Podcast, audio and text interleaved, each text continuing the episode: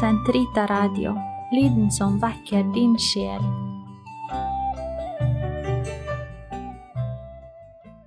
Kroppens teologi, en kommentar til pave Johannes Paul 2.s onsdagskatekeser av Eirik Ambrosius Stenhoff. Totus tuus ego sum, et omnia mea tua sunt, Archipio te in mea omnia, prebe mi cor tum Maria. Episode 1, første del av innledningen, Motsetningstegnet, kroppens teologi i verden av i dag. Del 2, metoden, en adekvat antropologi. Hvordan skal vi nærme oss pave Johannes Paul 2.s onsdagskatekeser om kroppens teologi? Hva er det de dypest sett handler om? Dersom vi skal oppsummere et av pavens hovedanliggender i én setning, kan vi si at han skyr enhver tenkemåte som gjør mennesket til noe mindre enn hva det er. Det er dette paven mener når han snakker om en adekvat antropologi, antropologia adeguata på italiensk som han gjør til hovedmetode for sine katekeser. En adekvat antropologi, skriver han, har som formål å citat, forstå og fortolke mennesket ut fra det som er vesentlig menneskelig, på en måte som samsvarer med objektet, altså mennesket selv. Sitat slutt. Ordet adekvat kan liksom ha en negativ klang på norsk. Men vi snakker her ikke om en antropologi som er grei nok, eller sånn passe. Nei, vi snakker om en antropologi som kan beskrive mennesket på en måte som svarer til dets verdighet som skapt i Guds bilde. Når vi i vår kultur forsøker å forstå hva mennesket er, gjør vi det oftest gjennom henvisninger til psykologi, sosiologi, biologi osv. Dersom vi skal forklare hvorfor mennesker oppfører seg på en viss måte, eller hvorfor for eksempel noen har begått en alvorlig forbrytelse, inviterer avisene en ekspert i psykologi til å uttale seg. Mens når vi skal forklare et fenomen knyttet til kroppen, som ernæring, seksualitet eller genetikk, er det gjerne medisineren eller biologen eller kostholdseksperten som får komme til orde. Teologen og prestene bør det kanskje være unødvendig å tilføye, er det ingen lenger som spør til råds. I økende grad ser vi også at biologiske teorier har begynt å dominere i disipliner utenfor selve biologien. Evolusjonspsykologien har seilt opp som en måte å forklare all menneskelig oppførsel på. Imot alle disse tendensene skriver paven som følger. Sitat Adekvat antropologi lener seg på den vesentlig menneskelige erfaring. Den står i motsetning til en form for naturalistisk reduksjonisme, som ofte går sammen med evolusjonsteorien om menneskets opphav. Sitat slutt. Paven mener ikke med dette å avvise vitenskapenes betydning. En adekvat antropologi må selvsagt ta høyde for de funn og teorier som gjelder på biologiens, psykologiens og andre områder. Men disse teoriene er i seg selv nettopp ikke adekvate som rene fortolkninger av hva mennesket er. Til dels fordi mennesket ikke er en abstraksjon eller en slags tom gjenstand for teoretiske spekulasjoner, men en konkret realitet og et subjekt. Dette er grunnen til at paven mener vi bør nærme oss mennesket ut fra det han kaller dets vesentlig menneskelige erfaring. Poenget er også at bare mennesker kan erfare verden slik mennesket gjør det. Det paven etterlyser, er en førvitenskapelig beskrivelse av kroppen og av mennesket, som ikke av den grunn er noe mindre sann eller saksvarende, men faktisk utgjør grunnlaget for alle andre teorier om mennesket.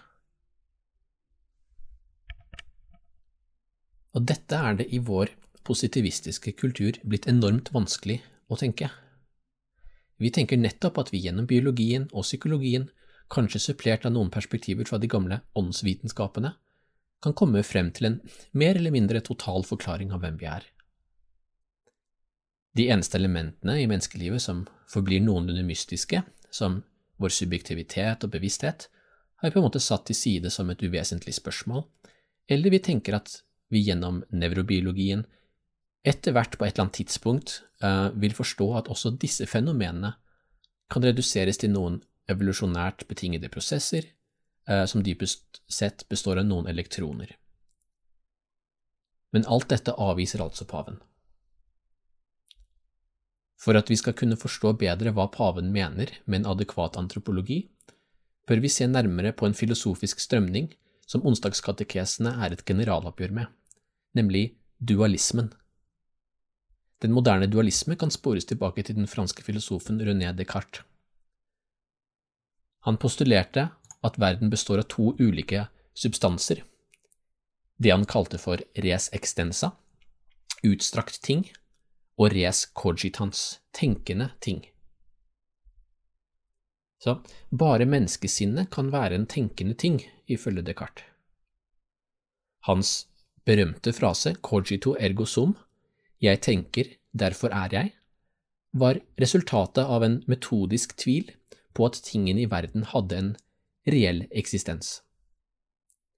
Det eneste Descartes kunne være helt sikker på, var at han var et tenkende subjekt.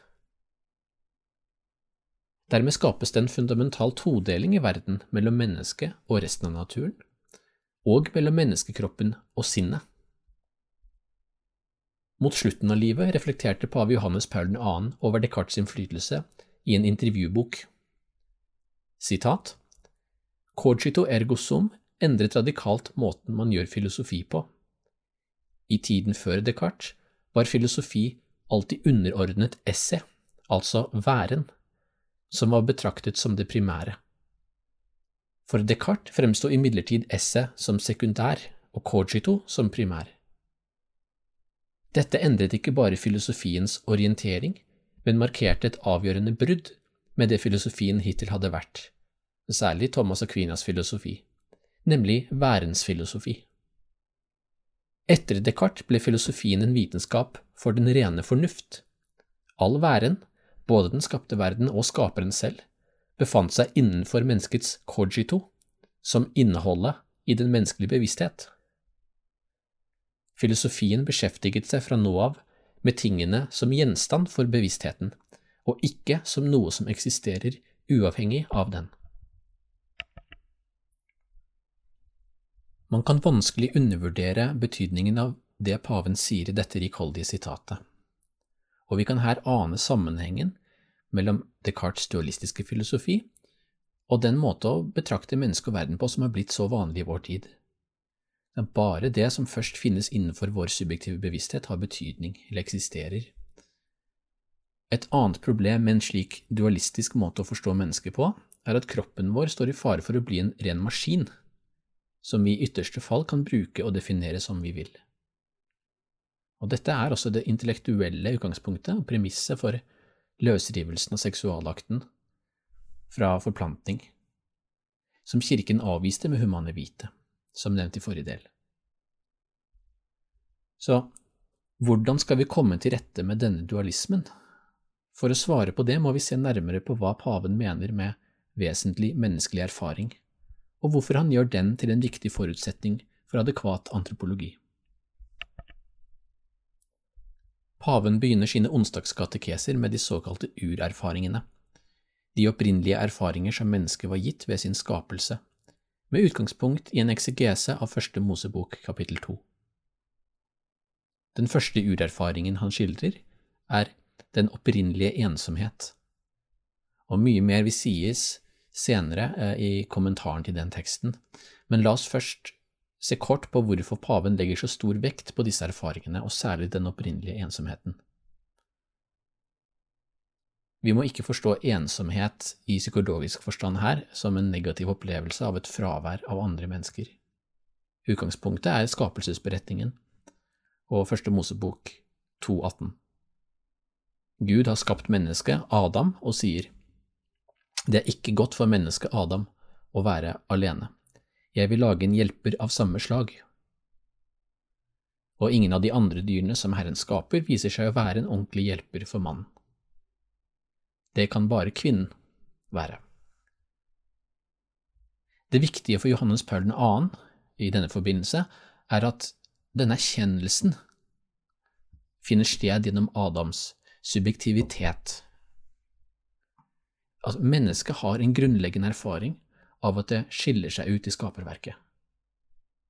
Som paven skriver, åpenbarer mennesket seg for seg selv som en person.